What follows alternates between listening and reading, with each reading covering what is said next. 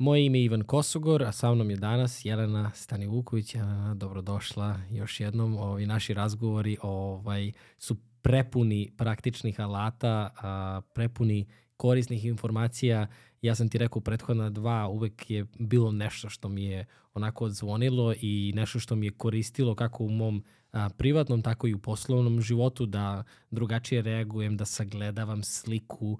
A, u nekoliko a, navrata sam, te se setim kada, kada se odaljim od situacije. Iako sam sto puta čuo odalji se, pogledaj sebe iz treće perspektive, pogledaj širu sliku, proširi horizonte. To je sve nešto što je kao poznata informacija, međutim nije nije uvek lako primeniti to što znaš u situaciji u kojoj celo tvoje telo ne želi da primeni to što znaš. E, znaš a onda se ja setim nekog tvog primera ili tvoje reči i bukvalno, bukvalno se odaljim, distanciram, ono, shvatim da sam samo u tom trenutku dobio manje nego što sam smatrao da treba, da to ne znači da ja vredim manje i tako dalje. E, fantastične, fantastične stvari sam naučio tebe, tako da se baš radujem što snimamo opet. Drago mi da to čujem. Hvala ti ponovo na pozivu. Uvek, o, e, to sam ti rekao i nakon našeg prvog razgovora su vrata uvek otvorena i ja stvarno mislim da ćemo ovaj, i u narednih, narednim godinama i u narednim našim razgovorima ko zna šta dotaći i, ovaj, i otkriti. Da. Tako je.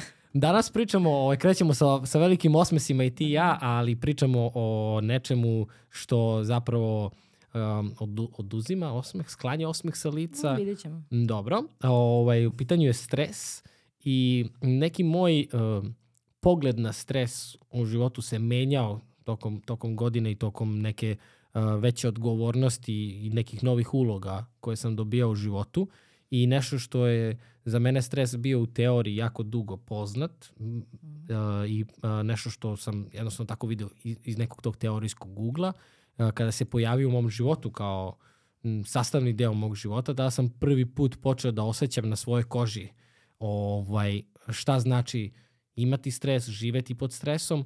I ovaj neki moji odbrambeni mehanizmi u tom to ću, to ću ti kasnije pričati ovaj kako budemo odmicali sa razgovorom ovaj, su se tu pojavili uh, kao mogućnost da, da živim sa stresom. Ali ono što mene zanima i možda kao prvo pitanje za danas jeste da li, uh, možda svi danas pričaju to kao kako da upravljaš stresom, kako da živiš sa stresom. Da li je, moramo živeti sa stresom ili postoji mogućnost da se potpuno oslobodimo stresa? Da bi ti odgovorila na to pitanje, moram prvo da kažem šta je stres i onda će i odgovor biti potpuno jasan, odnosno bit će jasno da je nemoguće živjeti bez stresa. Stres je jedan sveugupni, nespecifični odgovor organizma na stresore. Dakle, stresori su mogu biti fizički, psihološki, kako god, dakle i, i velika hladnoća i glad su stres, fizički udarac su zapravo stresori. A stres je odgovor organizma. To je jedan um, alarmni sistem koji ima zadatak da budi ostale sisteme, neke budi, a neke utišava, da bi nas spremilo na nekakvu reakciju, odnosno na adaptaciju. Tako da on je izuzetno koristan kao takav, dakle da nemamo uh, taj sistem za aktiviranje stresa u sebi, ne bismo apsolutno opstali ni preživeli. To imaju životinje, imamo i mi. I šta više, kratkoročni stres može biti jako koristan i jako je koristan, ali pričat ćemo posle o tome. Uh, Dakle, a, apsolutno svi pričaju o stresu. Ono što nije dobar stres je kada je stres a, prolongiran, kada dugo traje, kada dođemo u fazu iscrpljenosti, ali stres je sastavni deo života, da nema toga ne bismo apsolutno mogli da funkcionišemo, odnosno da nema stresa. Ali isto tako, pošto su to uh, hardwire sistemi u nama koji su biološki opremljeni, dakle taj alarmni sistem uh, rea reagovanja na stresor, mi apsolutno imamo i ove druge mehanizme kako da prekinemo taj stres. Dakle, oni su apsolutno isto u nama. I bilo ko od vas koji ovo gleda i sluša, koji je dakle živ, ima u sebi i alarmni sistem koji se zove reakcija na stresor, odnosno to što mi zovemo stres, ali isto tako ima i sistem i mogućnosti kako da prekine stres kada on više nije potreban. O, ajde da krenemo da to mi zvuči kao kontrola stresa. ovaj, A, uh, kada sam pričao u, u, u uvodnom delu o stresu, više sam mislio za taj neki uh, stres savremenog čoveka koji ne predstavlja uh, opasnost po život, uh, koji ne predstavlja nešto što nas ugrožava fizički, egzistencijalno. Mm -hmm. Više sam pričao o tom nekom prolongiranom stresu kom, koji mm -hmm. naslučujem da misliš na, na istu stvar kao ja, to je taj neki stres koji konstantno oživljavamo i održavamo u sebi, mm -hmm. Ali zapravo nam više šteti nego, nego donosi koristi. Da. U suštini nema doživljaja stresa bez naše, naše subjektivne procene da je nešto stresno. Dakle, šta se dešava? Ne, ne, neka spoljna situacija ili unutrašnjeni nadražaj se desi i mi prvo radimo primarnu procenu. Ta primarna procena je u principu pitanje, ok, šta se sada dešava i šta to znači za mene? Naš odgovor u tom trenutku može da bude promena je irelevantna ili je stresna. Ako je relevantna, nema stresnog odgovora, nismo u stresu. Ako je stresna, onda je pitanje da li to doživljavamo kao pretnju, kao gubitak ili kao izazov. Onda ide sekundarna procena koja je ključna, gde mi zapravo odmeravamo kapacitete i snage koje mi imamo u sebi i da li oni mečuju sa zahtevima u tom trenutku koje mi procenjujemo da ta situacija, šta ta situacija zahteva od nas i da li mi imamo kapacitet da se nosimo sa tim. Ako nemamo, ako procenjamo da nemamo kapacitet, odnosno ako smo dali kao odgovor neke mehanizme prevladavanja koji nisu rodili plodom, onda ide ponovna procena pa da vidimo šta drugo možemo da urodimo. U svemu tome, ako to prolongirano traje, ako mi nemamo odgovarajuće mehanizme, odnosno osjećamo kao da ne možemo da uradimo dovoljno, a nemamo druge dobre strategije, tu onda nastaje prolongirani ono što mi kažemo osjećaj doživlje stresa koji je kao štetan, ne kao nego koji može biti štetan za nas. Da li to na svesnom nivou određujemo te modele ili se to dešava mimo nas, po znacima navoda, nesvesno? To se dešava mimo nas, ali ne mora da se dešava mimo nas. Mm -hmm. Mi, mi apsolutno koristimo u svemu tome za prevladavanje stresnih situacija i kognitivne strategije, raznorazne kognitivne strategije i emotivne strategije. Ne radi se samo o instinktima, to u prvom trenutku apsolutno može biti instinkt, a nekad e, stres, opet kažem, zavisi šta je stres. Ako je stres neki iznenadni napad nepoznatog čoveka, tu nema razmišljanja, tu je automatska reakcija, bori se ili beži. Ali ako je stresna situacija izazovan uh, period na poslu koji traje nekoliko dana ili nedelja, apsolutno se tu uh, ubacuju i, i drugi, drugi mehanizmi, ne samo ovi instinktivni automatski. Ali uh, važno je da se zna da to šta se dešava u organizmu kada, kada se aktivira ta, da kažemo, lampica za stres. Uh, izluči se tu gomila nekakvih uh, hormona i aktiviraju se određeni delovi centralnog nervnog sistema. I njihov zadatak je u tom prvom trenutku, taj alarm koji su upali, je da uh, se određeni sistemi uh, u telu aktiviraju, pa onda osjećamo da nam srce uh, ubrzano lupa, uh, brzo, ubrzano dišemo, krv ide u mišiće da bi bili, osjećamo se da smo, da smo napumpani, kažem da bi bili spremni za borbu ili za bekstvo, ali istovremeno taj adrenalin koji se izluči, epinefrin u telu, to isto što je adrenalin, se izluči, ima zadatak da neke druge sisteme, da kažem, stavi u stanje mirovanja, da ih inhibira kao što recimo digestivni trakt, kao što su reproduktivni organi. Upravo zato recimo eh, je stres i anksioznost najveći neprijatelji libida i seksualna želja, zato što je to u tom trenutku nam nije potrebno. Organizam procenjuje da u tom trenutku kada je borba ili bekstvo ne treba ti da ti radi sistem za varenje ili, na primjer, reproduktivni organi. Dakle, eh, priprema organizam za nekakvu reakciju. I jako je važno da znamo mehanizme da mi možemo, da imamo mehanizme i u tom trenutku a, kako možemo da, utic, da utičemo? Jer tu se zapravo radi o simpatikusu. Sećaš se možda iz biologije, simpatikus i parasimpatikus. Oni nisu džabe autonomne sistemi. Nemamo mi svesnu kod, voljnu kontrolu nad njima. To je nešto se automatski dešava. Ali postoje načini kako možemo čak i na biološkom nivou da utičemo da u tom trenutku najveće bure, da kažem, umirimo sebe, ako je, sad se sećam se onoga što si rekao, ako se zaista radi o nečemu što nije pretnja po život Jer za razliku od životinja mi imamo taj prefrontalni korteks i mi imamo maštu i možemo da zamišljamo. I mi možemo da proglasimo da je nešto pretiće i opasno što suštinski nije pretiće i opasno za život.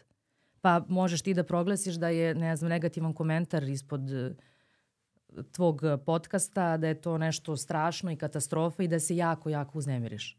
A zapravo u tom trenutku ne treba ovaj aktivirani sistem bori se ili beži jer ti je celo telo u agitaciji. I postoje načini da odmah direktno na tom biološkom, fiziološkom nivou umiriš sebe, jer kada se umiri telo, jer to je uvek po principu povratne sprege, ide informacija od ozgo na dole ili od ozdo na gore, a, onda se otvara i oslobađa prostor za neke delove mozga kao što je racionalno razmišljanje, šira slika, kontekst, značenje, inhibicija, da se uključi taj deo mozga pa da onda mnogo još detaljnije, trajnije i bolje se uh, rešava ono što je u nekom trenutku okinuto kao stresno zapravo ne mora da bude toliki izvor stresa i najverovatnije i nije opasno po nas. Uh, sve vreme mi u glavi samo taj primer uh, kada uh, sam objavio svoju prvu knjigu i ja sam tada bio potpuno onako jedno ne, nezrelo biće što se tiče nikada se nisam nikada se nisam suočio sa nekom kritikom tog tipa sa kojim sam suočio nakon objavljivanja. I sad si spomenula varenje, kako nam ne funkcioniše. Ja sam tada stvarno opisivao sebe kao ne mogu da svarim ovu situaciju. To je ono što, mm. što pričamo i ono, neki ti babski izrazi koje ja obožavam, koji su toliko tačni, e, znaš, ali ovaj, sećam se stvarno da mi danima nije bilo dobro.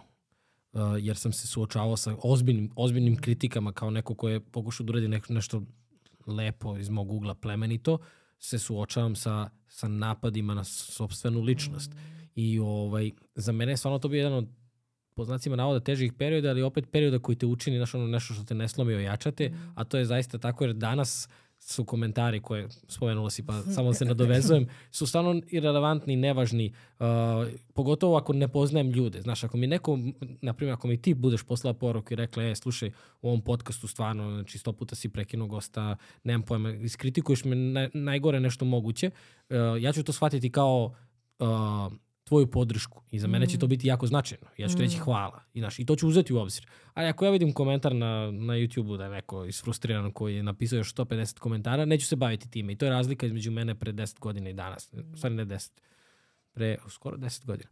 Pre 9 godina i danas, znaš. Mm. Tako da ovaj taj taj neki nivo razumevanja mi je pomogao da se izborim sa stresom u, u, u mhm. toj situaciji. Međutim, za mnoge druge stvari od koji su možda i manje važni od kuže u saobraćaju do, ne znam, nekih banalnosti ili nekih rokova možda na poslu, sada lupetam i tako dalje, to postane borba za život, iako nije u suštini. Tačno, Znaš, sad si spomenjala mehanizme, ali mm -hmm. si pre mhm. toga rekla kratkoročni i dugoročni stres. Da. Šta bi bili primeri kratkoročnih i dugoročnih u, u tom nekoj formi? Kratkoročni stres je imaš rok da snimiš novu epizodu zato što nemaš snimljenu i moraš da je, da je snimiš. Tebi taj stres i treba u tom trenutku, zato što će ti u tom trenutku ćeš imati fokusiranu pažnju na ono što je važno, a, mobilisat će tvoje snage da nađeš osobu za podcast, da izdržiš, da snimiš, iako si možda umoran ili imaš gomilu drugih stvari. Tako da to u tom trenutku za tebe, taj stres je dobar stres za tebe. Treba ti, taj kratkoročni stres. Pričat ćemo još o tome kako i taj kratkoročni može da se izvitopiri i da ode u nešto što ne treba, to je, to je drugi deo priče. Ali u suštini, u tom momentu kada se izluči adrenalin, on je dobar uh, ne samo što radi ove stvari organizmu koje sam rekla malo pre neke, neke sisteme uh, pokreće, neke inhibira, on je zapravo tu da se bori protiv svih stresora, a i infekcije i bakterije su takođe stresori. Tako da je kratkoročni stres jako dobar za imunitet. To je recimo nešto o čemu se jako malo priča. I... Ok, da se zadržimo tu. Mm -hmm. Šta kažeš za imunitet, kako, na koji način? A ti kažem, kada se uh, desi ta uh, stres koji mi procenimo da je, da je stresan, odnosno okine se stresna reakcija u organizmu, izlučuje se velika količina raznih hormona, između čega i adrenalin. Adrenalin se bori protiv infekcije i bakterije. Dakle, on je, bori se protiv svih stresora, to je sistem koji je tako da, da se bori protiv svih stresora, a naravno da su i bakterije i, i, i virusi streso, stresori za nas. Tako da kada smo pod stresom, ne možemo u tom trenutku da se razbolimo. Dugotrajni stres koji je iscrp, on iscrpljuje organizam i, i imunni sistem svakako, ali to kratkoročno čak može biti dobro a, za borbu protiv a, raznoraznih, da kažem, patogena uh, iz spoljne sredine.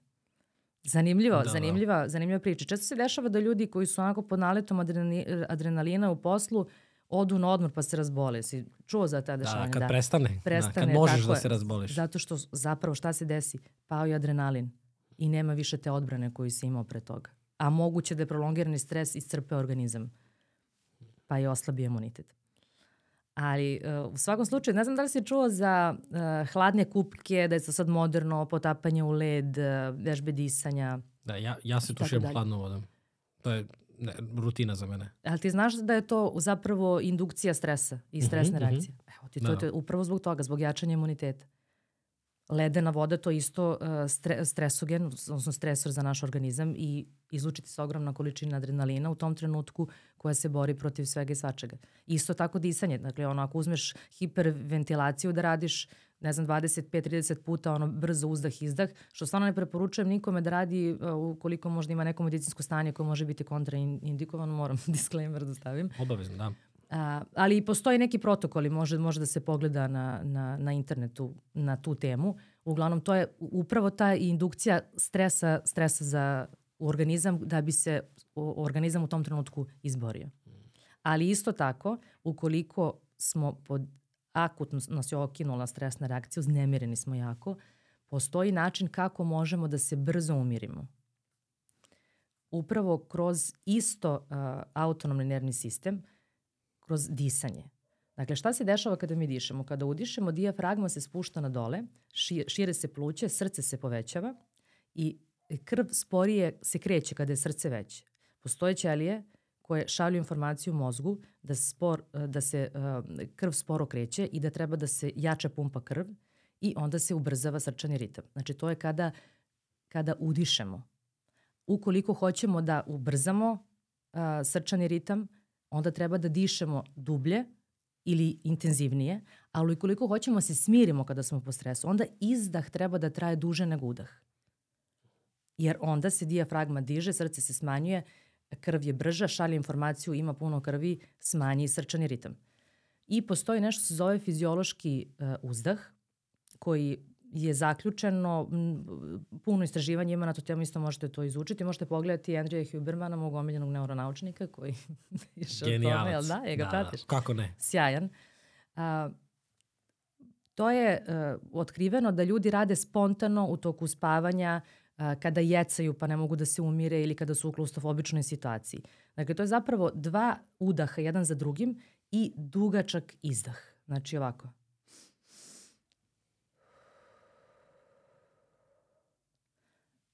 To treba ponoviti 2 do 3 puta i potrebno je 20 do 30 sekundi da se organizam spontano umiri u odnosu na, na ono kakav je bio pre toga.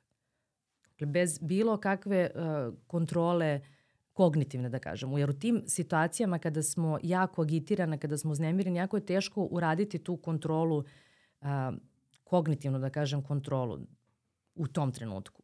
Potrebno je možda prvo malo da se umirimo, da bi ošte došli u situaciju da uh, uključimo neke druge naše resurse da se borimo na drugačiji način. Telo, telo ima taj, te, telo je savršen mehanizam, što si sad rekla i što si napravila, da, da um prati telo i telo prati mm -hmm. um i da moramo, kada ne možemo svesno nekada, onda možemo kroz mm -hmm. telo da se smirimo. Kada sam krenuo da se tuširam hladnom vodom, ovaj, jedna od prvih tih mantra za tuširanje hladnom vodom kad krećeš jeste da govoriš sebi to je samo hladna voda, to je samo hladna voda, sve ok, sve u mhm. redu. Mm znaš, i onda ovaj, sećam se da sam, uh, to sam krenuo da radim u januaru, što je jako čudno za, za vreme da radiš kad je hladno, ali jednostavno tada sam čuo pa sam krenuo i onda sam se našao u saobraćaju posle nedelju dana, dve nedelje posle toga i ovaj, teo sam da se iznerviram i samo sam pomislio to je samo hladna voda, kao smiri se kao. Znaš, preslikalo mi se na, neka, to, da, na neke da, da. druge segmente, znaš. Fenomen. Ali recimo, malo pre si rekla da, da se vodi računa samo da nije za svakoga sad odjednom. Nije apsolutno za svakoga da. i svako treba da vidi prvo koje je njegovo zdravstveno stanje, konsultuje svoga lekara da li je to nešto bezbedno za njega prvenstveno. Pogotovo recimo za, za hladnu vodu, je, mnogo sam istraživao o tome, ja, da? me, me zanimalo. Uh, nikako ako si bolestan, ne treba raditi, ukoliko mm. si zdravi, ukoliko je sve u redu, onda možeš krenuti polako i postepeno. Mm. Ovaj, uh, sada si pričala i zvuči kao da postoji dobar i loš stres. Uh, mm opet stres se posmatra kao neprijatelj u, u celini. Ja znam da ti u mm. svom radu i ovaj, kad god smo pričali uh, razbijaš celine u delove mm. i ovaj, izoluješ određene stvari i postavljaš uh, granice tamo gde granice treba postaviti. To je ono što mi se mnogo dopada u našim razgovorima. Tako da sad kad si rekla uh, to je dobar stres za nas, uh, kako, kako razdvojiti dobar i loš stres? I da li je to u stvari uh, neka činjenica ili šta? Prvo, rekli smo da je stres e, samo odgovor organizma i spremanje organizma na nekakvu reakciju. A, ako je to su samo neki pikovi stresa u toku dana, oni čak mogu da nam, da nam koriste i na zdravstvenom nivou, kao što smo mhm. malo pre zaključili. Ali prolongirani, prolongirani stres, a, naročito dugoročni stres, iscrpljuje organizam i slabi imunitet i on nije dobar. I a, negde ukoliko bilo šta to što da nam je do juče možda davalo drive, kao stres na poslu, deadline ili šta god, ako toliko dugo traje počne da nas iscrpljuje na takav način da ne možemo da spavamo normalno, ako nam san trpi, ako nam trpi apetit, ako uh, trpe odnose s drugim ljudima, onda definitivno to nešto što počinje da šteti. Ali da bi ova priča cela dobila smisla, uh, morat ćemo da ubacimo i priču o emocijama u sve ovo. Jer kažem, stres je samo uh, reakcija organizma, odnosno alarmni sistem, a sve dalje što se dešava, apsolutno mnog, u mnogome zavisi od nas. I emocije su uvek kontekstualno uh, zasnovane. Dakle, ono što smo rekli, procena šta se dešava i kakvo to značenje ima za mene. I odnosu na taj odgovor koji svako sebi da, može da kod sebe proizvode, proizvede zdravu ili nezdravu emociju. Uh, postoje neprijatne negativne emocije koje su zdrave i koje su tu nama dati i trebaju da budu tu. Na primjer? A, na primjer, a, razočaranost. Ne možemo biti srećni kad nam se dešava nešto nepovoljno po nas. A, e, nije dobro da budemo srećni, ni adaptivno za nas, jer onda nećemo se ni potruditi da promenimo, da otklonimo to nešto što, što nam smeta, tako? ali razočaranost, nezadovoljstvo su adaptivne.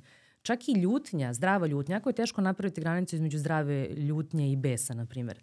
Ali ljutnja isto nama evolutivno dato osjećanje da bismo se zaštitili, da bi povukli svoje granice, da bi jednostavno se odbranili. Znači, ok je da, da, da budeš ljut u situaciji kada će ti to dati snagu da se izboriš za sebe. Je li tako? Ali ne moraš da budeš ogorčen, besan ili depresivan. Anksiozan. To su nezdrava, nezdrave emocije. A sve to zavisi od odgovora na ono pitanje šta se dešava i kakvo to značenje, kako si ti proglasio da to značenje ima za tebe. Da li kada pričaš o, o značenju, to je jako interesantna tema, stva, uh, značenja koje mi dajemo. Uh, koliko misliš da, sad je ovo malo igra reči, ali objasnit ću, koliko misliš da zapravo mi dajemo značenje, a koliko misliš da smo samo klonirali značenja koje su naši roditelji davali određenim situacijama, koje smo videli da drugi ljudi ili su nam drugi re, ljudi rekli kako treba da se osjećamo kada se nešto dogodi. Filmovi, okruženje, partneri, toksični partneri, loši prijatelji, dobri prijatelji. Znaš, jer kada uzmeš u u obzir da naše odluke i naša, naš pogled na svet je najmanje naš pogled na svet, a sastoji se iz toliko drugih faktora koje smo čuli, videli ili nam je neko rekao da tako treba. Znaš, kako onda mm, kako uze, preuzeti kontrolu nad tim značenjem? Jer to mi se uči kao mm. ključ. Jeste. To je recimo ključ psihoterapijskog rada ako pričamo o rep terapiji koju -hmm. Ja praktikujem i mi u psihološkom savjetu u Lišti Minds. Upravo to, traženje naših ličnih iracionalnosti, odnosno iracionalnih pogrešnih uverenja, odnosno značenja.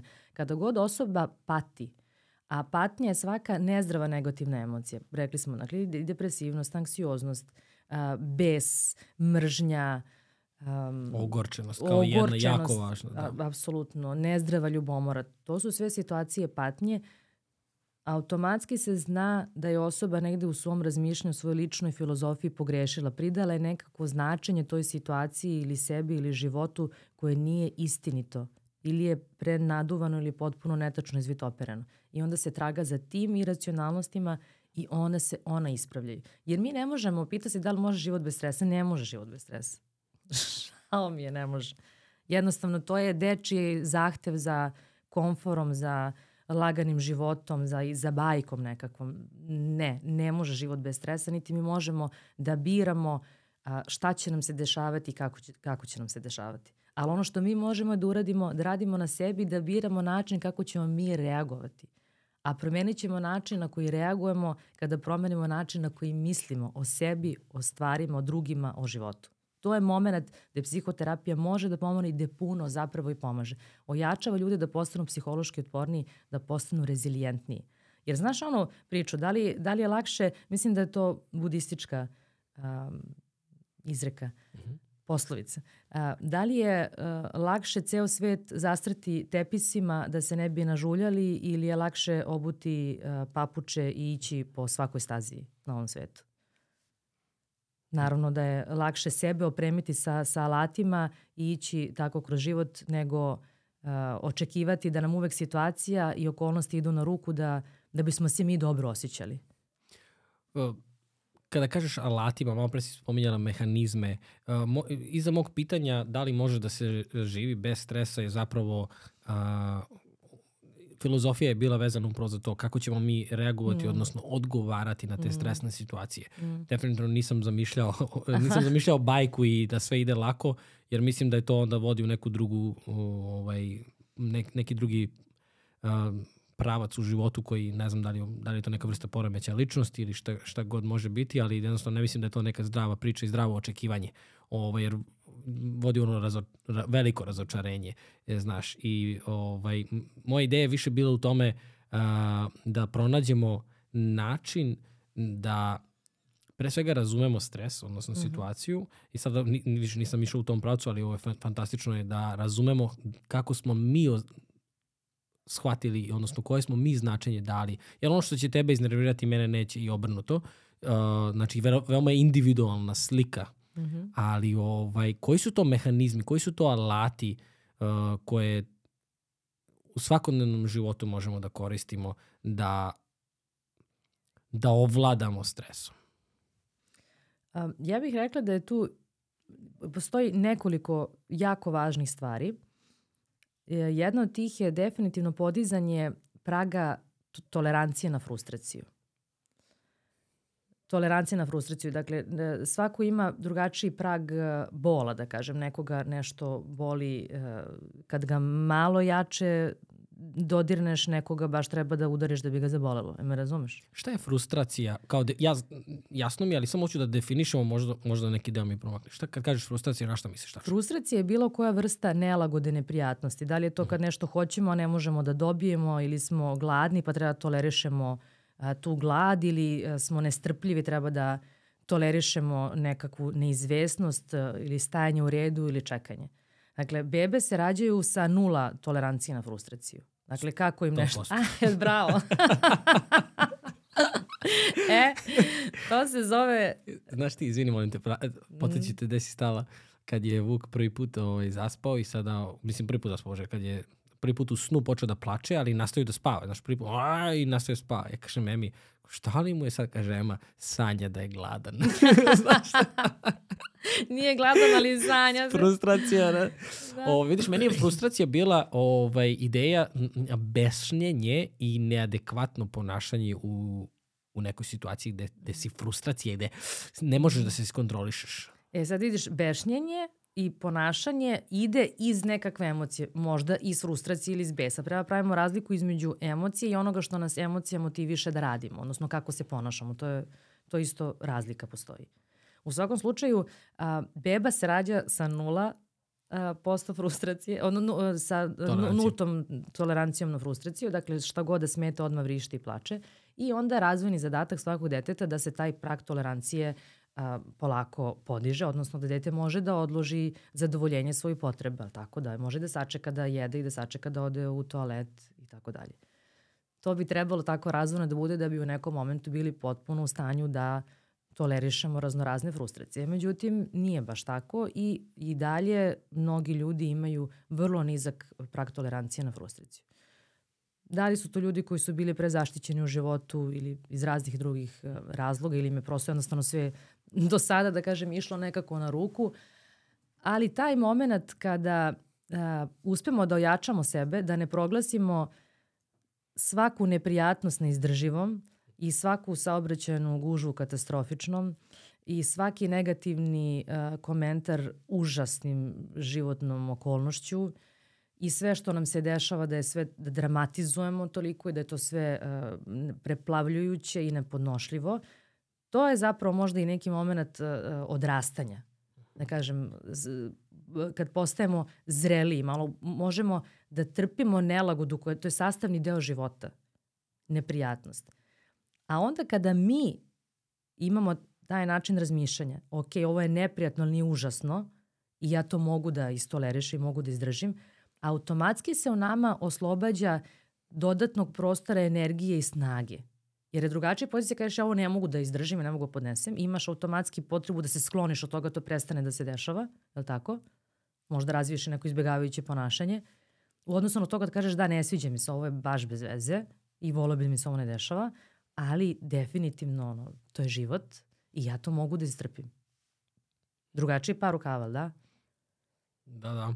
Ali uh, vezano za, za, za, za frustraciju, odnosno za, za taj stepen tolerancije, deluje mi sada da pričaš da je kao uh, stres neka vrsta, odnosno tolerancija za stres kao mišić koji treniraš, jer sad si mhm. rekla ono kao ako je neko u komforu dugo i kad mm. ga mhm. izbaciš iz komfora, on dobije mnogo veći šamar nego neko ko se suočavao sa, da li postoji neki način, pitanje iza ovoga je, mm. da li postoji neki način da uh, istreniramo stres, da ne mora da nam se desi neka katastrofalna situacija iz koje ćemo mi da izađemo jači, nego da postepeno mi vežbamo sami sebe da se sa... Za mene, u mom slučaju je bilo to stvarno tuširanje hladnom vodom. Mm. To je mhm. nešto, ja o, opet ne znam da koliko sam reprezentativan primer toga, zato što ja stvarno uživam u tom hladnom tušu. Mm. Za mene to nemam neku veliku odbojnost koj, da sada treba da uđem pod hladan tuš, znaš. Tako da ne znam u ovom trenutku koliko je to jako o, dobar primer, ali ovaj, definitivno u početku mi je bilo jako teško. I nisam hteo da uđem u hladno, ali sve Sve mm. sam navikao i izvežbao sam sebe. Znaš, koliko je to, koliko to možemo da primenimo na stres u ovom slučaju? Apsolutno možemo. I to jeste bukvalno uh, izdržavanje nekakvih situacija i dovođenja čak u toj situaciji kada je naše telo agitirano, pobuđeno, kada je u stresnom odgovoru u tom trenutku, da kažem, da dovedemo svoj um da to prihvati kao da je to potpuno okej. Okay. Da, jeste, uznemirio si se, ali šta sad? Čekaš u nekom redu, na primjer da ne proglasimo to nepodnošljivim i katastrofičnim u tom trenutku. Čak postoje i mehanizmi, Huberman uh, je pričao o tome kako da u tom trenutku recimo možeš upravo ovo što si ti radio sa hladnom vodom ili sa vežbanjem, trčanjem, voženjem bicikla kada se uh, uh, zapravo jesmo u velikom stresu nam se do te mere pobudi organizam i srčani ritam i nelagodno nam je u, u takvom stanju. Nismo navikli. Naprimjer, kada malo probimo svoju granicu na nekom treningu, ajde da kažem, da dovedeš svoj mozak da ga relaksiraš i tu postoji a, fora, da kažem, a, sa panoramskim vidom.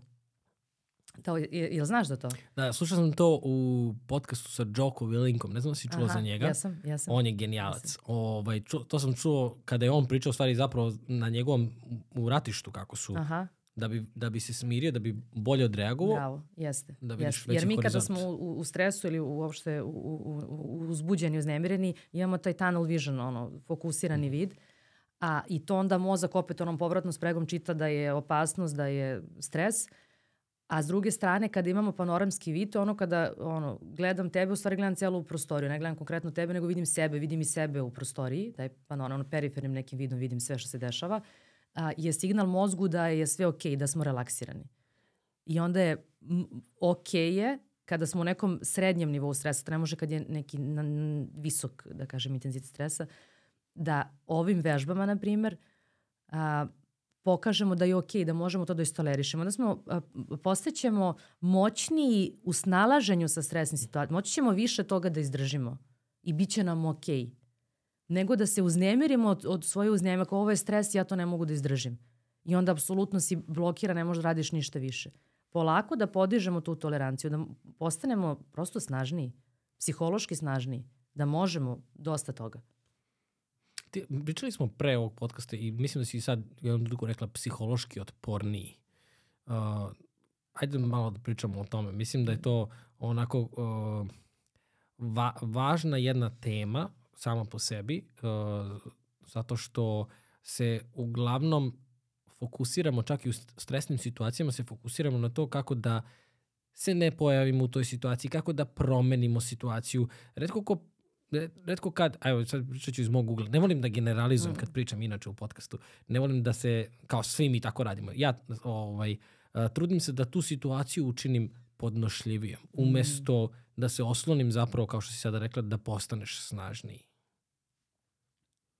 A, trudiš se da učiniš situaciju podnošljivijom, na koji način?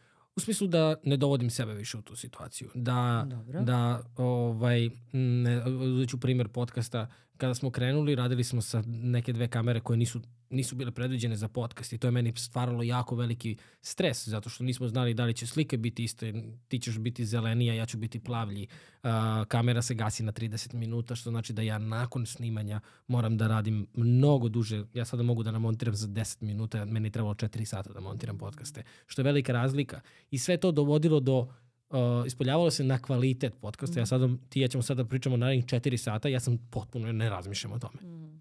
Znaš, ranije to bi, ve, veći stres je bio raditi ovaj podcast mm nego mhm. sada. Znaš, hoću ti kažem, ja sam promenio tu situaciju jer znao, jer sam video da mi to dovodi do nekih boljih rezultata i ja sam smireniji.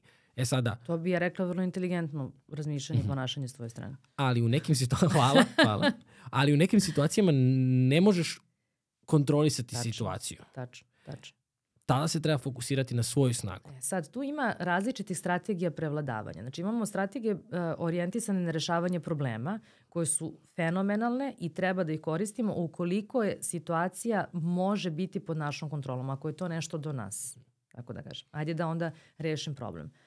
Ali ukoliko nemamo kontrolu nad situacijom, nekada se dešavaju nepovoljne stvari nad kojima zaista nemamo nikakvu kontrolu, a, onda je pogrešna strategija pokušavanja rešavanja problema, jer je problem ne reše u tom trenutku. Onda bi recimo adekvatna strategija bila na emocije. Šta to znači? Kako da mi e, regulišemo svoje negativne teške emocije, kako da ih izdržimo, kako da ih pretvorimo u, u drugačije, e, funkcionalnije emocije. Kako da prihvatimo stvari koje su takve kakve su. Nekada samo jednostavno ono što imamo na raspolaganju je da prihvatimo činjenično stanje. I to je najinteligentnije što možemo da uradimo. Dakle, postoji strategije vezane za to. Nekada su adekvatne strategije traženje pomoći od nekoga. To je sve trebamo da imamo u repertoaru a, ponašanja ukoliko se nalazimo u stresnoj situaciji. Re, borimo sa nečim. A, da, li, da li sad tu stupa na snagu, malo pre smo pričali o značenju, da li tu stupa na snagu menjanje tog značenja i kako promeniti značenje? Jer uh,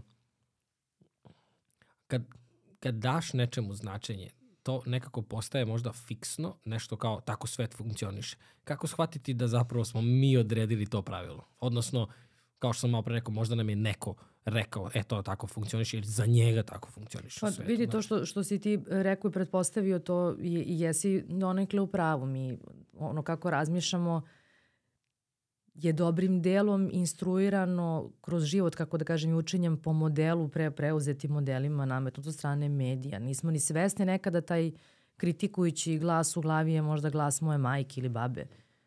Dok dođemo do toga, to nekad ono, na terapiji treba dosta vremena da vidimo da su to samo preuzeti značenja ili filozofije u koje mi zapravo realno gledano ne verujemo ili ne želimo da verujemo, ali su duboko u nama useđene. To jeste za jedan terapijski rad i analizu kada pričamo o značenju.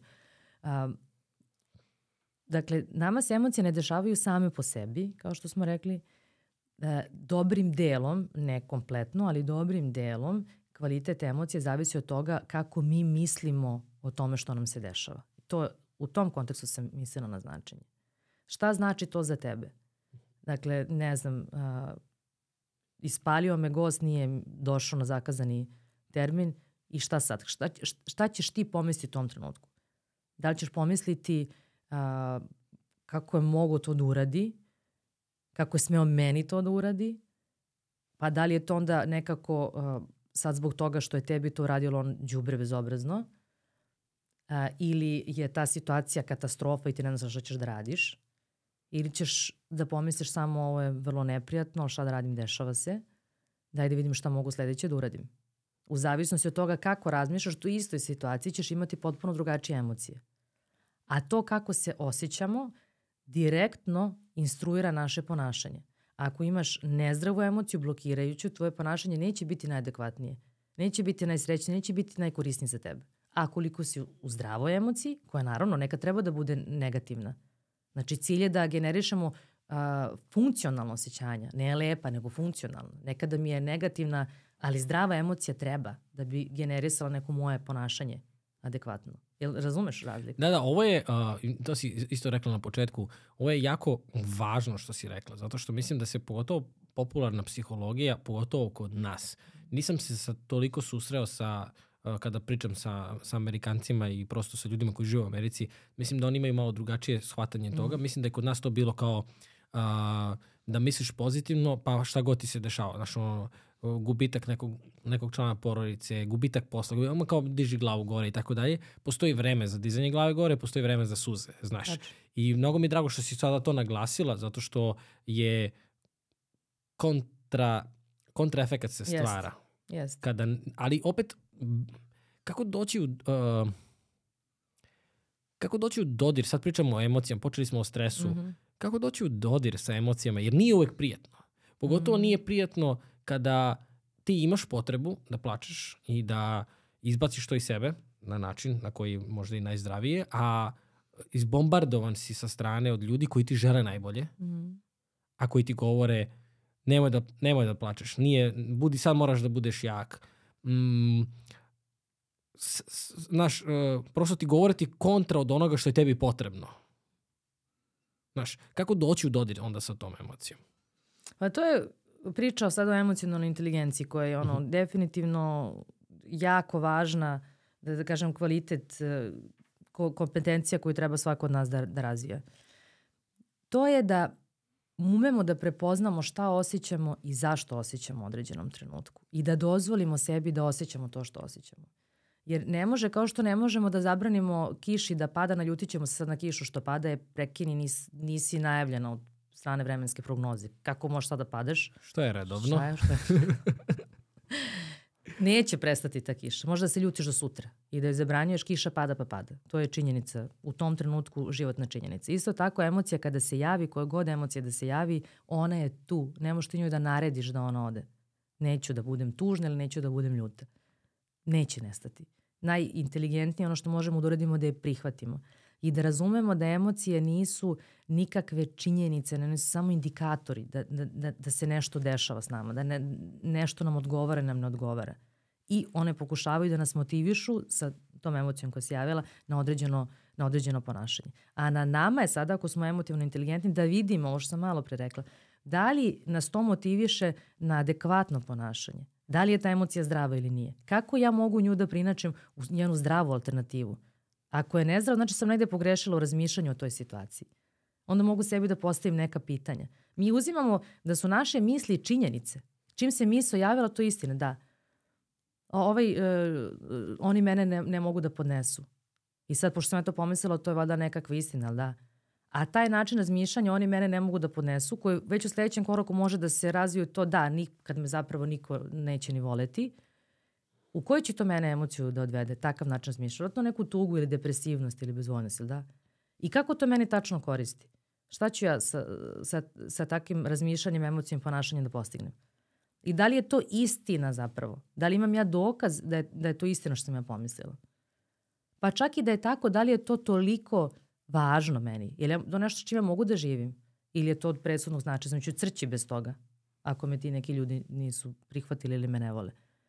Znači da ne poverujemo svakoj svojoj misli da je apsolutna istina i čak i ako pođemo za tom mišlju koja nije istinita i koja nas odvede u neku tešku, nezdravu emociju, da znamo da će i ta emocija proći. Emocije su kao talasi. Dakle, pusti je, neka je tu je, proći će, nisi zauvek a, postala ti ta tvoja emocija. Ona dođe i ode. I moramo da imamo tolerancije i strpljenje sami sa sobom u tim trenucima, da jašemo na tim talasima, da bi što bezbolnije prošli te cikluse. Imamo, imamo tu tendenciju da kada ti se dešava nešto loše da misliš da je zauvek tako. Da. da kad si sad to rekla. Da. da. To je ta naša sklonost dramatizaciji. Apsolutno. Dakle, e, rekla sam podizanje praga tolerancije na frustraciju, jako bitno, odustajanje od lične grandioznosti. Šta je lična grandioznost? Znači, to nije ono samo ja sam najbolja, ja sam najlepša, ja sam savršena, ja sve mogu. Ne. Čak je se i u, u teškim situacijama vidi kad je neko grandiozan.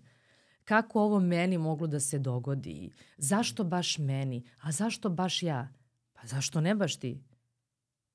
Ja to pitam neke ljude na terapiji, to nije, to nije prijatno, ali zašto meni se desilo baš da me, da me muž ostavio? Pa ja kažem, dobro, je trebalo se desiti tvoje sestre ili sutra tvoje čerke, jel bi više voljela to? Jao, pa ne, ali do, znam da je teško, ne želim da umanjim ničiju bol, ali to je ta lična grandioznost. Što pre odustanemo od toga, bit će nam mnogo la, lakše. U, uh, sujeta je naš veliki neprijatelj. U mnogo naše patnje u toj jednačini ima toga, ali kako baš meni to moglo da se desi. Šta to govori o meni? To vezivanje na, na, na ličnom nivou. Sad sam da kažem kao postane deo tvog identiteta. Da, da. A kad, se misliš, kad misliš da se to pretvara u uverenje? Odnosno, zato što si sad rekla, verujemo da je istina, a, počinjemo da to prihvatamo kao deo nas, to postaje uverenje i to, to se onda više ne preispituje. Ne, ispre, ne preispituje se dok uh, ne dođemo u ćorsokak mm -hmm. i zatražimo psihoterapijsku pomoć, pa onda neki psihoterapeut iskopa to uverenje, pa ga onda preispitamo na terapiji, pa onda shvatimo da je to bilo pogrešno uverenje zbog koga smo zapravo patili. Jer mi ne patimo zbog situacije, nego patimo zbog naših pogrešnih uverenja, najvećim delom. Da li, da li Bol je neizbežan, izvini. Bol je neiz, neiz, neizostavan i neizbežan deo života. Ali patnja ne mora da se dešava. Nepotrebna patnja. Bol mora. Moramo svi da prihvatimo da ćemo prije ili kasnije doživeti bol. Ali patimo kada proglasimo da to ne bi smelo da se dešava, to ne bi smelo nama da se dešava. To je kao kada je neko anksiozan i onda pročita kako je anksioznost štetna za zdravlje i onda postane strašno uznemiren zbog toga što se on nervira jer je to štetno za zdravlje. Znaš, kao zašto se ne bi iznervirao još jednom, pošto je ovo štetno za zdravlje. Ili se ljutiš na sebe što si u depresiji. Kako ti kažem, ako si u depresiji već imaš taj jedan problem. Ne moraš da imaš ovaj drugi što zahtevaš od sebe da nisi u depresiji. O, o toj vrsti nepotrebne patnje pričam. Dakle, ljudima se dešavaju loše stvari, nažalost, to je deo života, ali ne moramo dodatno da patimo zbog toga. Možemo lakše izaći iz svega toga ako postavimo stvari u realnu perspektivu, ako budemo fleksibilniji prema svemu tome, ako nemamo tu ličnu grandioznost u čitavoj načini i ako povećamo svoju toleranciju na frustraciju svemu tome. To je kao kada uh, ne možeš da zaspiš, pa se iznerviraš što nisi zaspao i onda... Onda tek, tek ne znaj da, da nećeš da zaspati da, 100%, da. Da, da, da. da. Za mene kad stres, ovo pričao sam ti pre nego što smo krenuli, a, kada sam shvatio da sam, da počinjem da, da budem pod stresom i da sam sve češće pod stresom, jer to je zapravo mene mm. bilo prva ta neka koja je napravila, ok, ovo, ovo se ne dešava sad, ovo je već treći put ove nedelje, znaš, kao šta mm. radim sa tim. I onda upravo to me je bilo, uh, imao sam utisak, ovo nije zdravo za mene, ovo me još više opterećuje. Mene je to uh, prebacilo iz, iz tog nekog uh, radnog ono, mentaliteta u potpunu blokadu. Kao, mm -hmm. ok, šta ću sad sa ovime, znaš. Ono što je meni pomoglo u toj situaciji jeste da idem dan za dan. Znaš. Mm -hmm. Da umesto uh, preuveličavanja svega onoga što mi se dešava i koliko ja imam obaveze, koliko ja ovo, ta lična uh mhm. -huh. grandioznost. Sad kad si rekla, bukvalno, bukvalno ja, bukvalno ja pre tri nedelje. ovaj, od, od svega toga kao šta, što ja sad sve moram sam do, ajde idemo po korak po korak, znaš. Mm. Jer to nekako, zaboraviš, znaš, jer i, i sad kad smo došli ovde, pa i sad, ja sad podcast za podcastom idem dan za danom, mm. Znači ja se ne bavim šta ću pričati u petak. Odlično ti, to je jako dobra strategija. Naš. I to je jedna od strategije, da se e, problem razbije na više manjih delova i radiš jedan po jedan i brineš samo o tom koji je moj sledeći korak. Ne šta će biti za tri dana i pet godina, nego koji je moj sledeći korak. Pravljenje strukture, to je ono što pomaže. Ajde, ajde o tim strategijama, ovaj, da, ih, da ih poslužimo, da, da ih ponudimo kao neke ideje u vazduhu. Uh, spomenula si, pre, pre nego što nastavimo samo sa strategijom, spomenula mm. si malo pre emocionalnu inteligenciju. Mm -hmm. Volio bi da se vratimo i na to još mm -hmm. malo. Mm. Ovaj, vi radite i ovaj, kod tebe na sajtu, ja ću ostaviti linkove i sve. Mm -hmm. Postoje programi baš za emocionalnu Jest. inteligenciju. Da. Ja mislim da je ovaj, uh, da bi to trebalo da bude u školama, da bi to trebalo da bude pristupačnije i možda jasnije ljudima kao jedno od potencijalnih rešenja mm. za mnogo komplikovane mm. uh, i kompleksnije probleme sa kojima se suočavamo, jer ovaj, i za, zato su mi naši razgovori fenomenalni. Znaš, zato što ti stvarno te komplikovane stvari s, uh, kroz jednostavan alat ponudiš rešenje. Znaš, jer što je komplikovaniji problem, mi imamo tu tendenciju da ga učinimo još komplikovaniji. Jest. I onda kad nekome kažeš, ej, čekaj, stani, ajde, posloži strukturu, objasni sebi, mm. bit će ti la... Aha, može i tako. Može tako. Znaš, zato ovaj, mislim da je jako važno i pričati uopšte o, o emocionalnoj inteligenciji i uh, jednostavno pokazati ljudima, ej, čekaj, ajde probaš i ovako, znaš. Šta, uh, ajde, ajde na sekund samo da se bavimo tim programima. Šta je, šta se, dva su ili? A, postoji kurs mm -hmm. koji je u video formatu i PDF-u mm -hmm. i postoji nešto se zove vodič, nazvali smo ga vodič, vodič vladaj svojim emocijama, jer je zapravo kombinacija uh, i knjige i radne sveske i konkretnih alata nekakvih za rad. Uh, mnogo je praktično, primenjivo, jasno, sistematizovano, jednostavnim jezikom rečeno i stvarno vodi uh, vodi onoga ko, ko uzme to da radi od početka do kraja.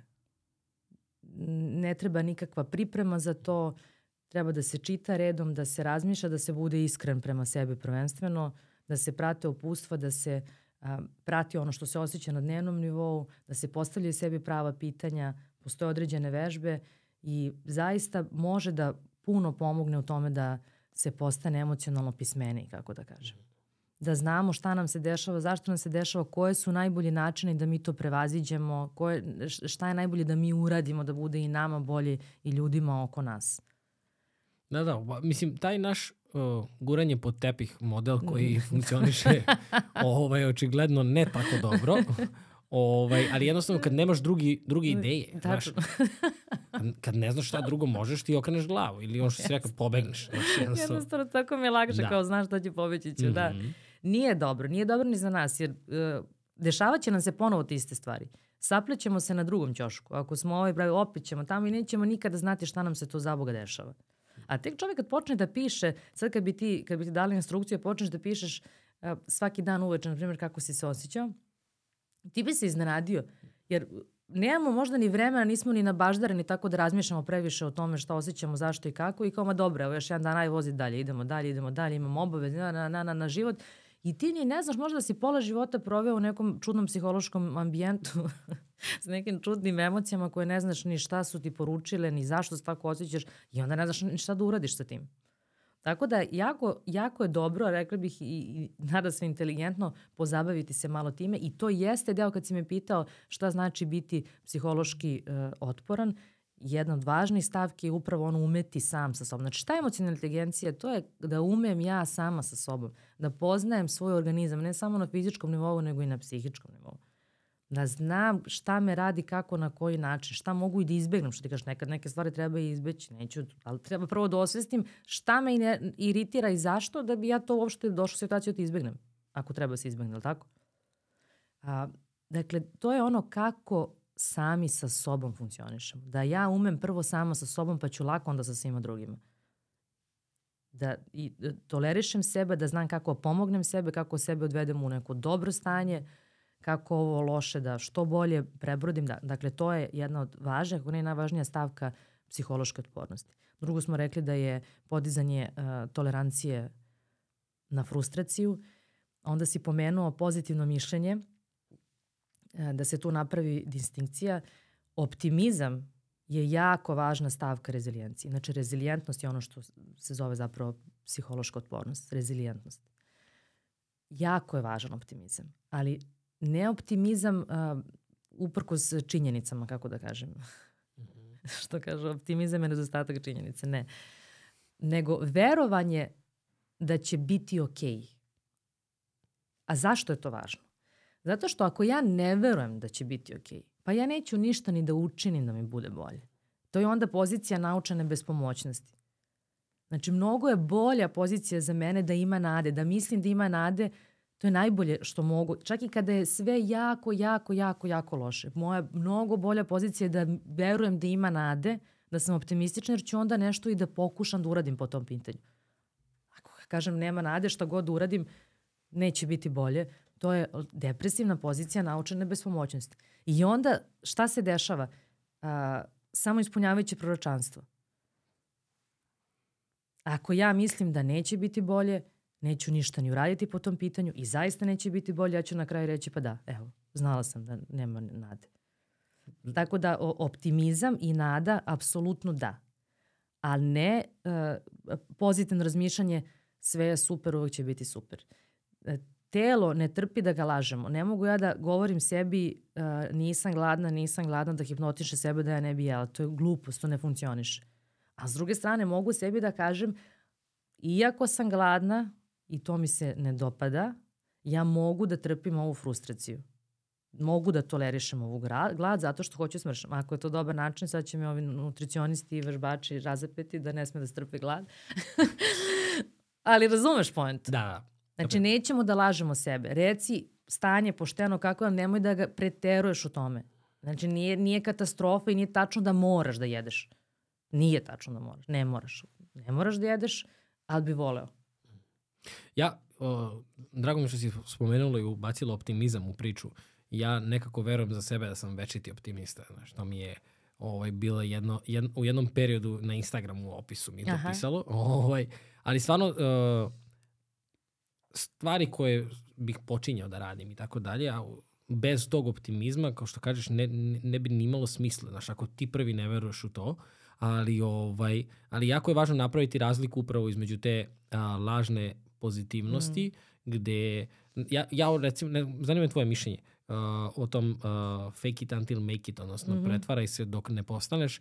Za, prvi put kad sam čuo to, bilo mi jako primamljivo i bilo mi, aha, ok, ima smisla, dok nisam počeo da malo više razmišljam o tome i da vidim da zapravo laganje drugih, odnosno bojenje te slike mm. kosi i kako želiš da te drugi vide, a kako se zapravo osjećaš, ti mm. ja smo mm. pričali o tome u prethodnom mm. podcastu, da to može ti da nanese mnogo više štete i da a, se to osjeća sa druge strane. Znaš, ja recimo kad gledam koga ću da pozovem u podcast mm. i kad uđem na Instagram profil, ti tačno možeš da vidiš da su neki ljudi potpuni haos, mm. a pretvaraju se i boje tu sliku da su, ono, mm. da je sve super, a nije. Mm.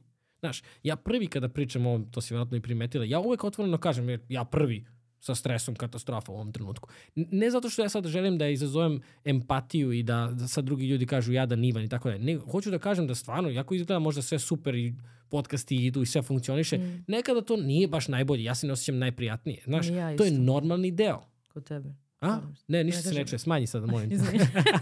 Rekao se se ne osjećaš najprijatnije. Htela sam se pohvalim da, da kažem da si ja ne osjećam najprijatnije. Da te ljudi... A ne.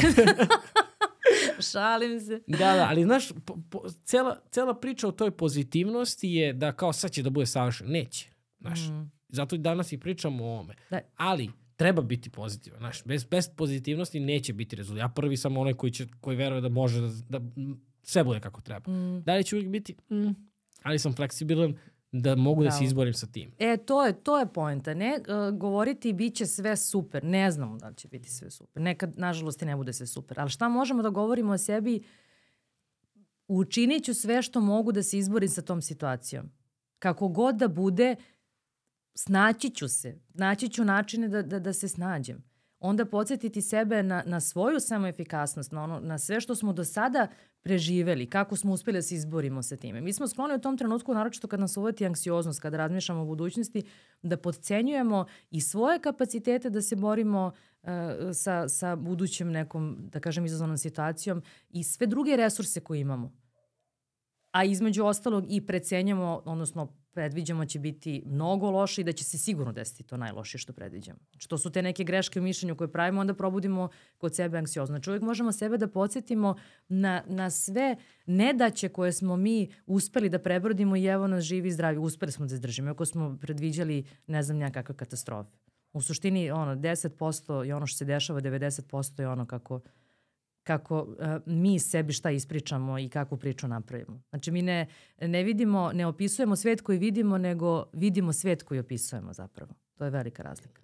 Ovo je dobro. Ovo je baš dobro onako podsjetnik. Da. U trenutku, znaš. Da. Ajde da se vratimo na a, strategije, spomenuli smo jedno ono vezano za strukture, samo hoću da ih sada grupišemo u ovom, u ovom delu podcasta kao strategije. Dakle, šta možemo da radimo? Imamo strategije orijentisane na rešavanje problema ako je problem delimično ili potpuno pod našom kontrolom. Ukoliko se dešavaju stvari nad kojim nemamo nikakvu kontrolu, to je onda pogrešna strategija. Onda imamo strategiju usmerene na emocije. Dakle, na prihvatanje onoga što je tu, što samo možemo da prihvatimo, šta možemo da uradimo sa nečim nad čim nemamo kontrolu i ako je nepovoljno. Možemo da ga prihvatimo, sagledamo mirno da kažemo žao mi, ovo je vrlo, vrlo loše, ne sviđa mi se ovo, ali tu je. I najinteligentnije što mogu da uradim je da ga prihvatim. Mislim, svi mi udarimo kad tad glavom u zid realnosti. Ali kad udarimo, ajde da ne udaramo, da ne nastavimo da udaramo. Udariš jednom, shvatiš, aha, zid, izvini, molim te.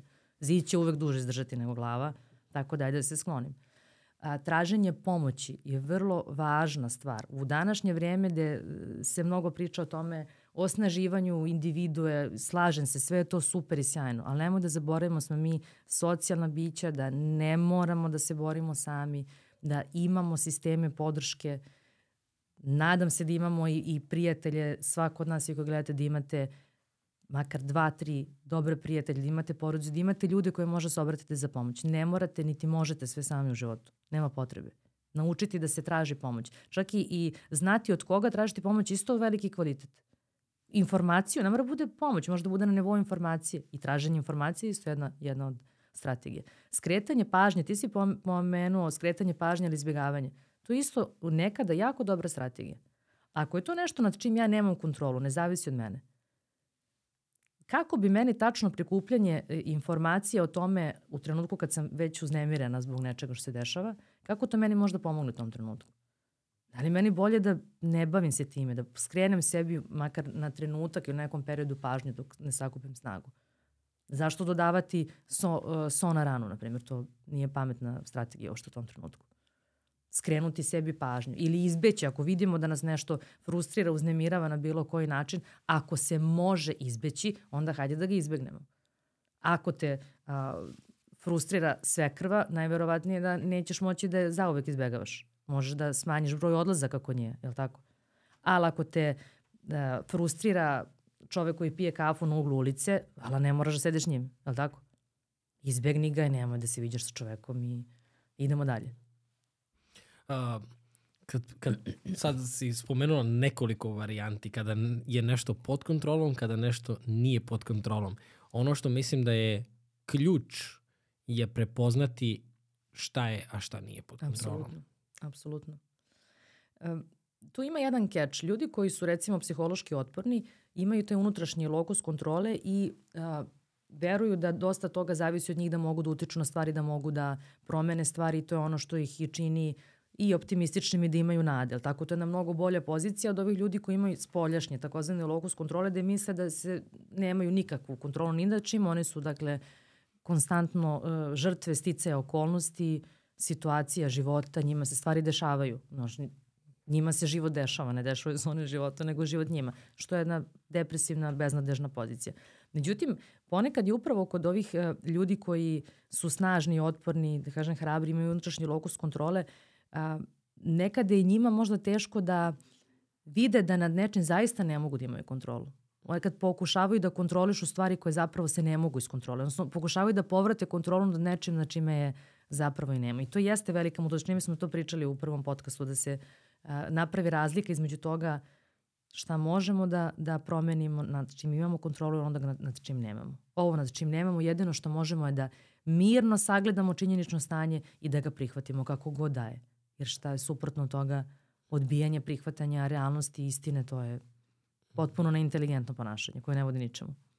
Da li se to povezuje i sa stresom? Jer sada, ovaj, hoću samo da se vratim malo na to. Mm. Mislim, sve vreme pričamo o stresu, mm. ali iz jednog potpuno drugog ugla. Mm. Ja mislim da čak i po, po naslovu ovaj, neko verovatno ne bi naslutio da, da. ćemo otvarati, ljuštiti onaj luk. Ti ja odemo sve. Da, da, da. Ali, ali zaista je, uh, dobra je perspektiva uh, kada se, jer stres je, kao što si rekla, uh, jednostavno on je možda neka vrsta rezultata našeg razmišljanja, naših misli i ne treba se baviti samo tim rezultatom, već moramo zaći dublje. Tako da mi ovo mm. stvarno ima smisla i idemo, idemo dobrim putem.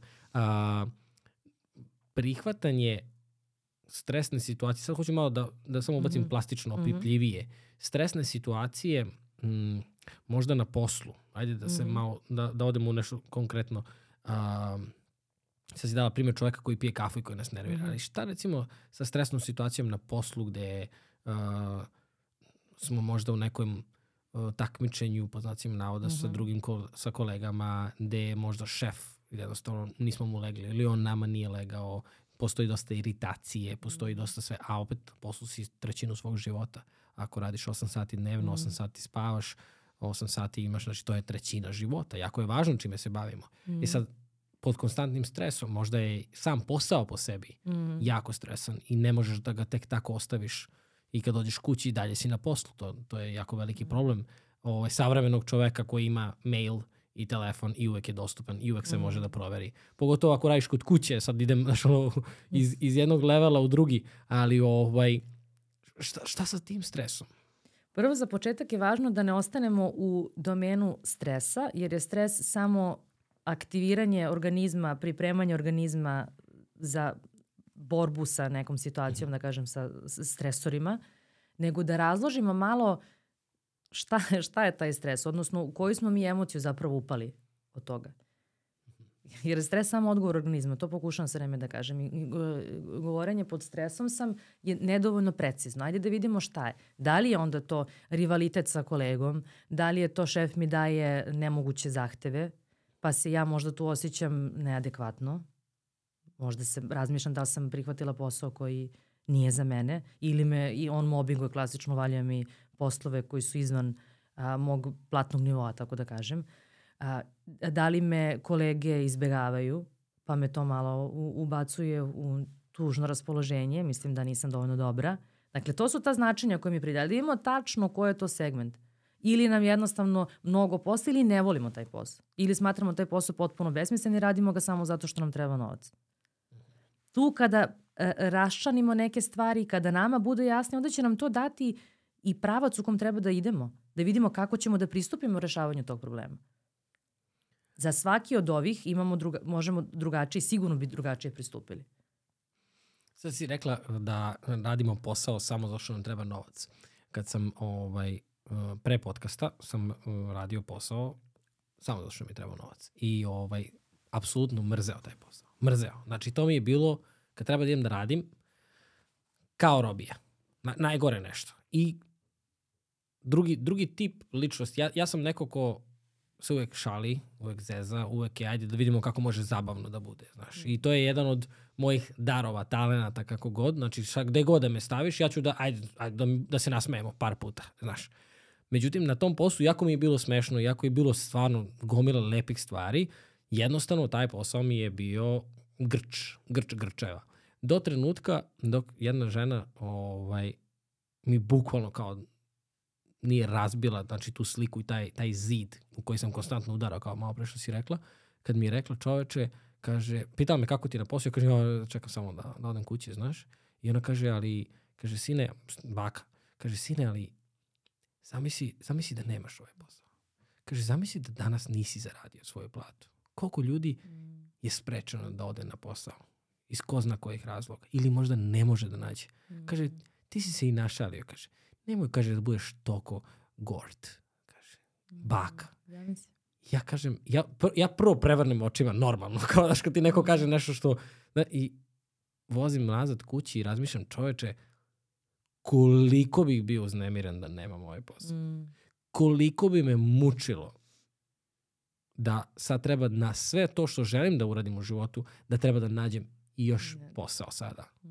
Znaš, i to me toliko otkravilo u smislu da kad smo i pokrenuli podcast, ja sam dve godine radio uz podcast, onda sam prestao da radim, sam se bavio samo podcastom, mm onda kad smo prešli u Ameriku, onda sam počeo opet da radim uz mm podcast, ali sada sa potpuno drugom perspektivom. Iako danas to nije posao iz moj, moj posao iz snova, ali posao koji mi donosi novac. I jako sam zahvalan za taj posao. Naravno. Jako sam, za, potpuno druga perspektiva.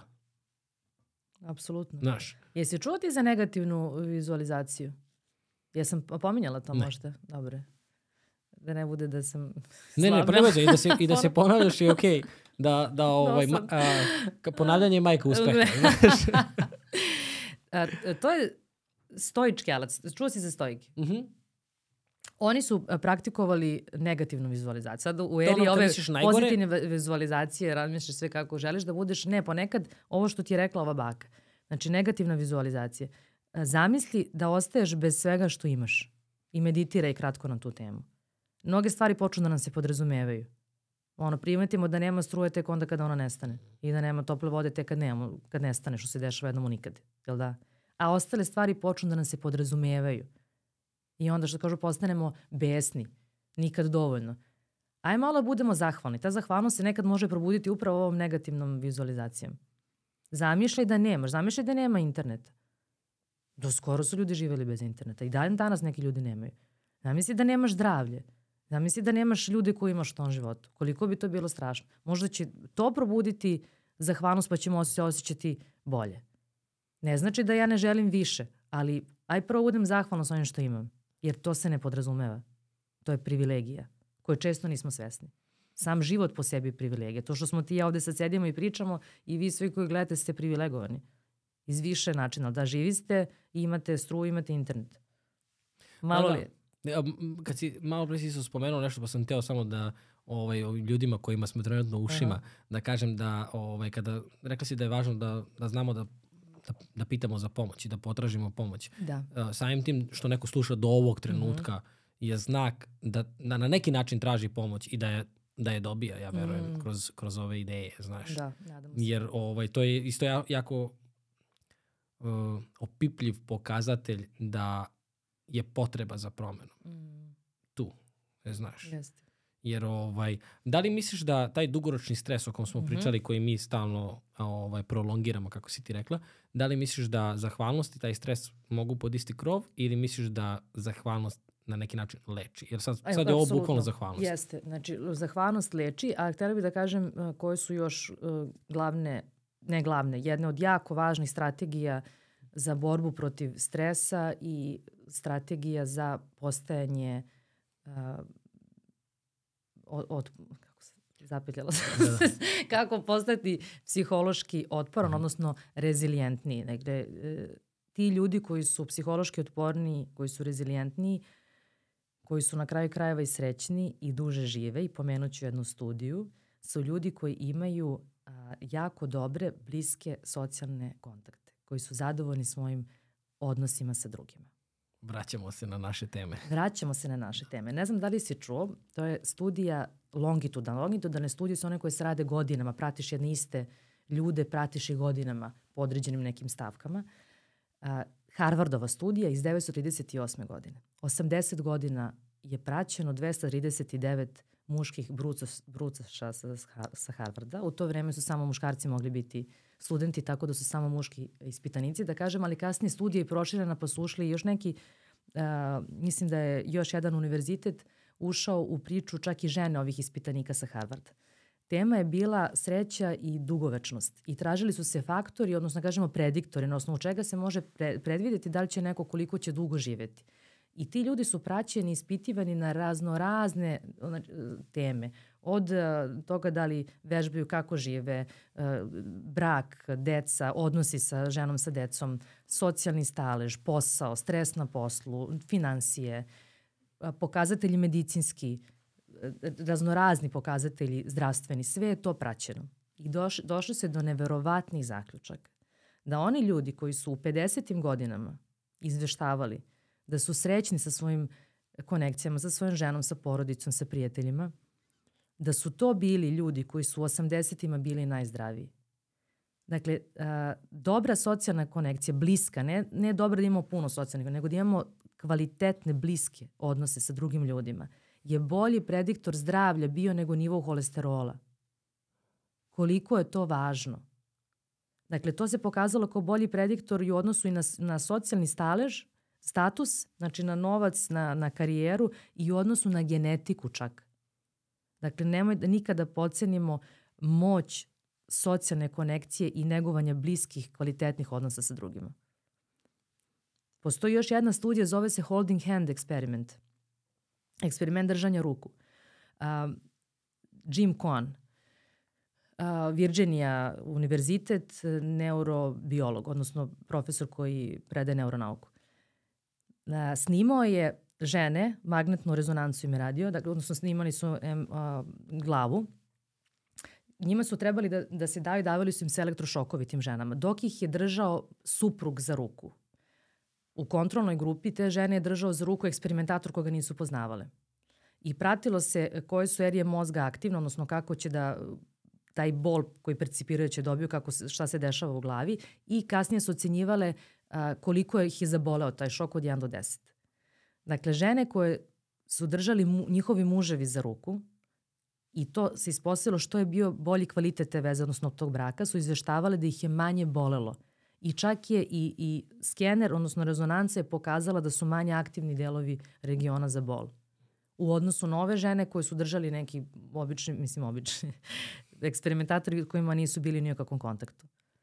Dakle, na nivou fizičkog bola, znači fizički bol može biti smanjen ukoliko nas bukvalno ili metaforički drži za ruku osoba koju volimo i, i koja nas voli. I to naravno ne mora da znači samo za partnerski odnos, to su naravno roditelji deca, bliski prijatelji, ali svakako je mnogo, mnogo važno. I čak kada se priča o tome kako će neko a, nakon bolesti, nakon mentalnih bolesti, kako će teći oporavak, jedan od jako važnih faktora je i kakvi su odnosi u porodici. Da li je ta porodica podržavajuća, toplo negujuća, da li ima razumevanja. To je recimo neki možda čak i ključni faktor da li će se bolest ponovo vratiti ili ne. Mnogo, mnogo su važni socijalni odnosi, bliski, kvalitetni odnosi s drugim ljudima. Znači za stres, emocionalna inteligencija, socijalna inteligencija. Ne samo socijalna inteligencija, nego iskoristiti tu emocionalnu i socijalnu inteligenciju i napraviti bliske kontakte sa ljudima. Ne moramo, ne, I ne treba da ih imamo ne znam nija koliko, ali nekoliko ključnih sa kojima imamo kvalitetan odnos je vrlo važno i za zdravlje i za sreću. Šta, šta još treba da spomenemo o stresu? Joj, svašta, ne znam sad, mogu toga. Dobro, Pod stresom sam, ne da. mogu da se setim. Otvor... Pogledaj širu sliku. o, ovaj, Bravo. O, ovaj, mislim da smo otvorili temu koja je a, deo svačeg života, kao što si rekla, ne može se mm. živeti očigledno bez stresa i ne bi ni bilo poželjno živeti bez stresa. O, ovaj, ideja o dobrom i lošem stresu mi je onako mm. igra trenutno mm -hmm. ovaj, kao kao nešto na što treba obratiti pažnju. Uh, spomenuli smo mehanizme, spomenuli smo alate, spomenuli smo mm. strategije, spomenuli mm. smo otpornost. Uh, sviđa mi se kako si prevela to zato što sam čuo za rezilijentnost, ali ovaj, nekako mi to uvek zvučalo kao neki termin sa kojim nisam bio toliko Aha. upoznat, znaš, ali ta otpornost mi toliko dobro zvuči. Pa da. Ovaj, uh, pričali smo o pozitivnosti i o, o optimizmu. Uh, I stres smo iz nekog zanimljivog ugla, znaš, nisam, mm. nisam znao u kom pravcu ćemo ići. Nija. Ovaj, ali ovaj, ispalo je stvarno uh,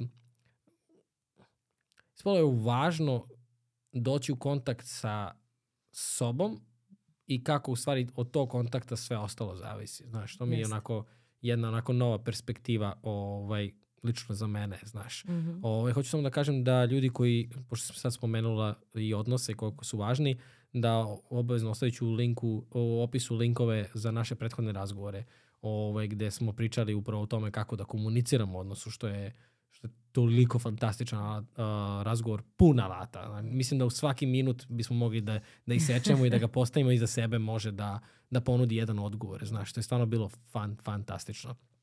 Ovaj, uh, Pričali smo o tvojom uh, vodiču, a spomenula si kurs. Mm -hmm. Koja je razlika, da li je vodič nešto što je uvodno, pa se na kurs dolazi kasnije? Ovo samo hoću da približimo ljudima koji sada slušaju, žele da rade sa tobom, što mm -hmm. toplo preporučujem jer te znam i lično. Mm -hmm. ovaj. I mislim da je stvarno... Uh, pogotovo sada u, gde je sve dostupno i online i gde neko može da radi u svom, uh, po svom nekom ritmu, ovaj, pogotovo to pisanje i samo posmatranje na taj način da te neko vodi, ovaj, ko, znam koliko je to jako uh, važno i korisno i može da poboljša aspekte i razna polja životna. Mm -hmm. Dakle, imamo taj vodič i imamo kurs. Da.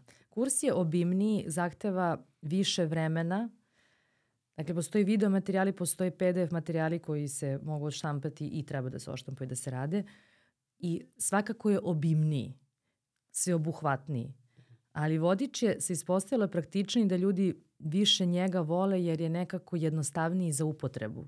Prosto je user friendly, mm -hmm. kako da kažem. I uh, zahteva manje vremena, što je opet zgodno. Tako da jedno ne isključuje drugo. Neke stvari se pre, preklapaju, ali je drugačiji je koncept. Znači, prilazimo istoj temi sa, na različite načine, kako da kažem. Kroz kurs i kroz vodič.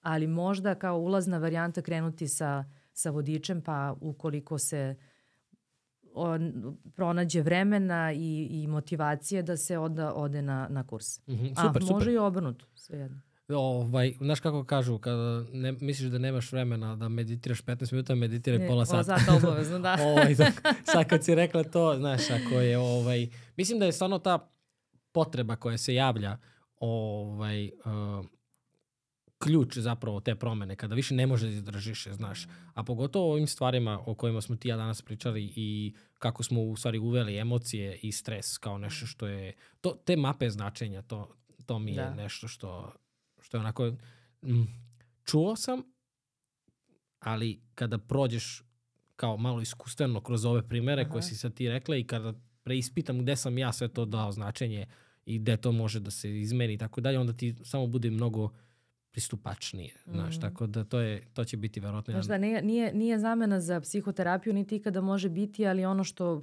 možemo da, da kažemo ljudima na koji način mogu da preispitaju značenje, da kažem, svoje misli, na koji način doprinose sami svom uh, negativnom osjećaju koji imaju u tom trenutku, uh, mogu uvek sebe da pitaju da li je, sam ja sigurna da je, siguran da je ovo 100% istina što je mislim, da li mi koristi da ovako razmišljam, dakle na, na što me motiviše uh, ovako moje razmišljanje i da li je to korisno za mene, šta bi rekla svojoj prijateljici da se isto ovo dešava, koji bi save dala, A, kako će ovo izgledati u roku, ovaj problem isti, ovo sve za ono, jedan dan, godinu dana, mesec dana, godinu dana, deset godina. Da li je to, znači stavljanje stvari u realnu perspektivu. Uvek a, možemo sebe pitamo da li je istina da je ovo baš katastrofa ili je samo vrlo loše ili loše. Jer šta je katastrofa kada je nešto 100% loše? Da li je sve zapravo što proglasimo katastrofom baš 100% loše? Ako je nešto 100% loše, znači ne možemo da smislimo ništa drugo što bi bilo lošije od toga. To je stavljanje stvari u realnu perspektivu. Ta, ta drama koja, drama koju, imamo. koju stvaramo, da. Da, da, da. I time samo pojačavamo sebi negativne emocije. Jako zanimljivo mm. kako održavamo ceo taj ciklus. Hvala ti puno na još jednom razgovoru, na još jednim uvidima i ovaj strategijama. Ovaj, bilo je prijatno kao i svaki do sad. Da znaš. Hvala, hvala lepo takođe. Hvala bez si, stresa. Izvini. Kako? Bez? Bez stresa. Bez stresa, eto, nema stresa. A, hvala svima vama koji ste slušali i gledali ovaj podcast. Najbolji način da nas podržite jeste da se prijavite na ovaj YouTube kanal. Drugi najbolji način jeste da nas podržite putem PayPal, jednokratnih donacija i Patreona. Hvala svima vama koji to redovno činite. I uh, u komentaru napišite kako se vi borite sa stresom u svom životu i, i ne borite sa stresom u svom životu i da li i šta ćete primeniti od ovoga što, o čemu smo danas pričali. Vidimo se sledeći put. Ćao!